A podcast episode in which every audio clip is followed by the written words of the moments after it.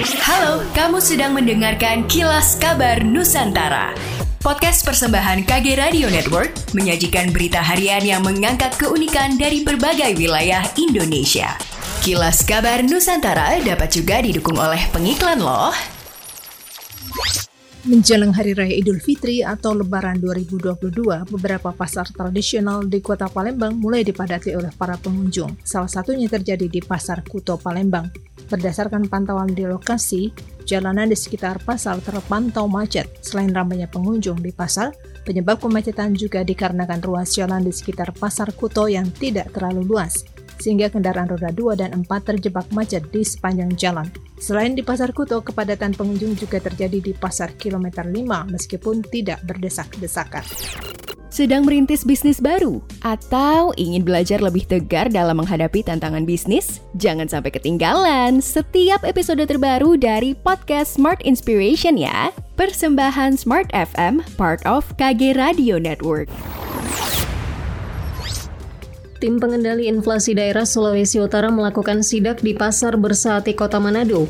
Sidak pasar dihadiri oleh Prasono Hadi, Asisten 2 Provinsi Sulawesi Utara, Richard Swalang, Wakil Wali Kota Manado, dan Arbona Suta Barat, Kepala Kantor Perwakilan Bank Indonesia Sulawesi Utara, serta seluruh stakeholder terkait lainnya.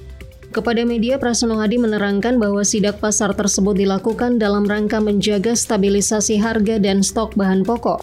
Dijelaskan jika dari hasil sidak tersebut terpantau harga dan stok bahan pokok cukup dan terjangkau untuk menghadapi gelaran libur lebaran. Richard Solang, Wakil Wali Kota Manado meminta masyarakat tidak perlu khawatir dengan stok bahan pokok saat memasuki hari lebaran.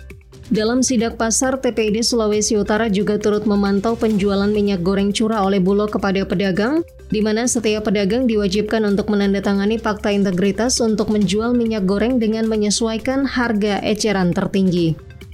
Penumpang di Bandara Sultan Hasanuddin Makassar mulai menunjukkan peningkatan signifikan dengan kenaikan mencapai 300% lebih. Puncak arus mudik pun terjadi mulai 28 April 2022. Hal itu disampaikan CEO General Manager Bandara Sultan Hasanuddin Makassar Amiruddin Florentius di posko terpadu angkutan udara Lebaran. Amiruddin menuturkan sejak posko mudik dibuka di bandara, pergerakan penumpang sudah terlihat. Rata-rata pergerakan penumpang harian saat ini sudah mencapai 30.000 penumpang. Amiruddin menyebut peningkatan penumpang yang cukup drastis ini adalah imbas pelonggaran PPKM seiring melandainya kasus COVID-19. Sebagai antisipasi, pihaknya mulai mengoperasikan posko terpadu angkutan lebaran 2022 untuk mengantisipasi lonjakan penumpang. Posko ini akan disiagakan selama 16 hari, yaitu 25 April hingga 10 Mei mendatang. General Manager Bandara Sultan Hasanuddin Wahyudi menambahkan posko ini disiapkan sebagai bentuk antisipasi pergerakan penumpang yang diprediksi melonjak setelah mudik. Untuk pengawasan dan pemantauan, pihaknya melakukannya secara manual dengan adanya patroli gabungan. Selain itu juga dilakukan secara digital dengan Airport Operation Control Center atau AOCC. Pihaknya juga berkoordinasi dengan stakeholder seperti otoritas bandara, Airnav, TNI, kepolisian, maskapai demi kelancaran operasional di bandara. Demikianlah kilas kabar Nusantara malam ini.